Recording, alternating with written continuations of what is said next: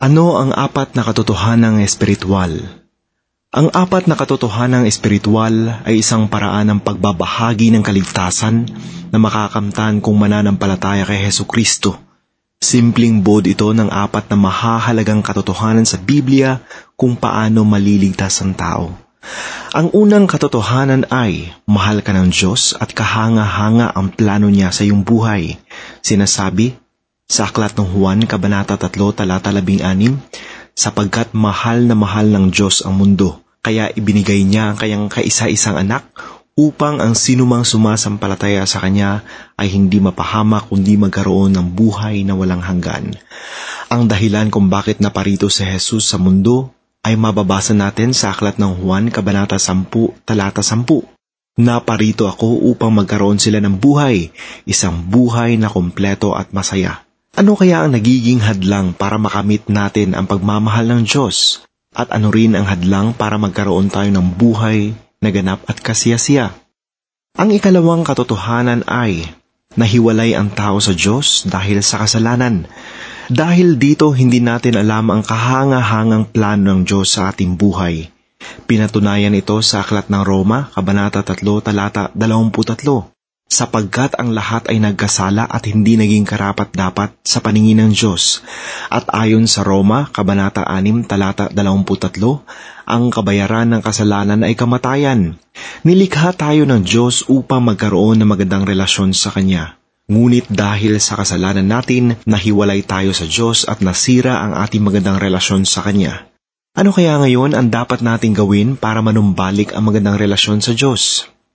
Ang pangatlong katotohanan ay si Kristo ang tanging solusyon ng Diyos para sa ating mga kasalanan. Sa pamamagitan ni Heso Kristo ay maaaring mapatawad ang ating mga kasalanan at mabuong muli ang ating relasyon sa Diyos. Sinasabi sa Roma, Kabanata 5, Talata 8, Ngunit ipinakita ng Diyos sa atin ang kanyang pag-ibig. Sa ganitong paraan, kahit noong tayo'y makasalanan pa, namatay si Kristo para sa atin. Sinabi rin sa unang Korinto, Kabanata 15, talata 3 hanggang 4 na kailangan nating sumampalataya at maniwala na si Kristo'y namatay upang iligtas tayo sa ating mga kasalanan. Gaya na nasasaad sa kasulatan, inilibing siya ngunit muling nabuhay sa ikatlong araw. Mismong si Jesus ang nagsabing siya lamang ang daan para maligtas ang isang tao. Juan, Kabanata 14, talata 6 Ako ang daan, ang katotohanan at ang buhay walang makapupunta sa Ama kundi sa pamamagitan ko. Paano ko matatanggap ang kahanga-hangang biyayang ito?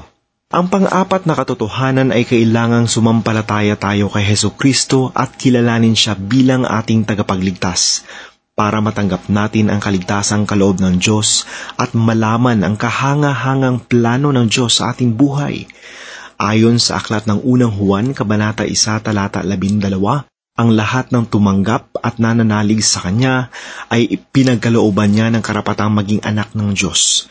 Malinaw ding sinasabi sa Aklat ng Mga Gawa, Kabanata 16, Talata 31, Sumampalataya ka sa Panginoong Hesus at maliligtas ka. Biyaya lamang ng Diyos ang makapagliligtas sa atin sa pamamagitan ng pananampalataya kay Heso Kristo. Efeso, Kabanata 2, Talata 8 hanggang Siyam. Kung nais mong sumampalataya kay Jesus bilang sarili mong tagapagligtas, narito ang panalangin maari mong ipanalangin.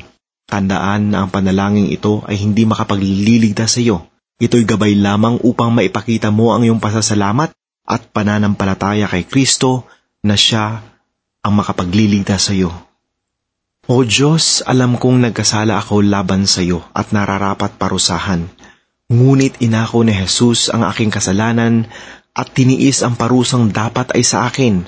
Patawarin mo ako sa aking mga kasalanan, tinatanggap kita bilang aking Diyos at tagapagligtas. Salamat po sa iyong kahangahangang biyaya at kapatawaran, at salamat din sa buhay na walang hanggan. Amen. Ikaw ba ay gumawa ng desisyon para kay Kristo dahil sa iyong mga nabasa dito? Kung oo, i-click ang tinanggap ko sa Kristo ngayon sa ibabang kahon.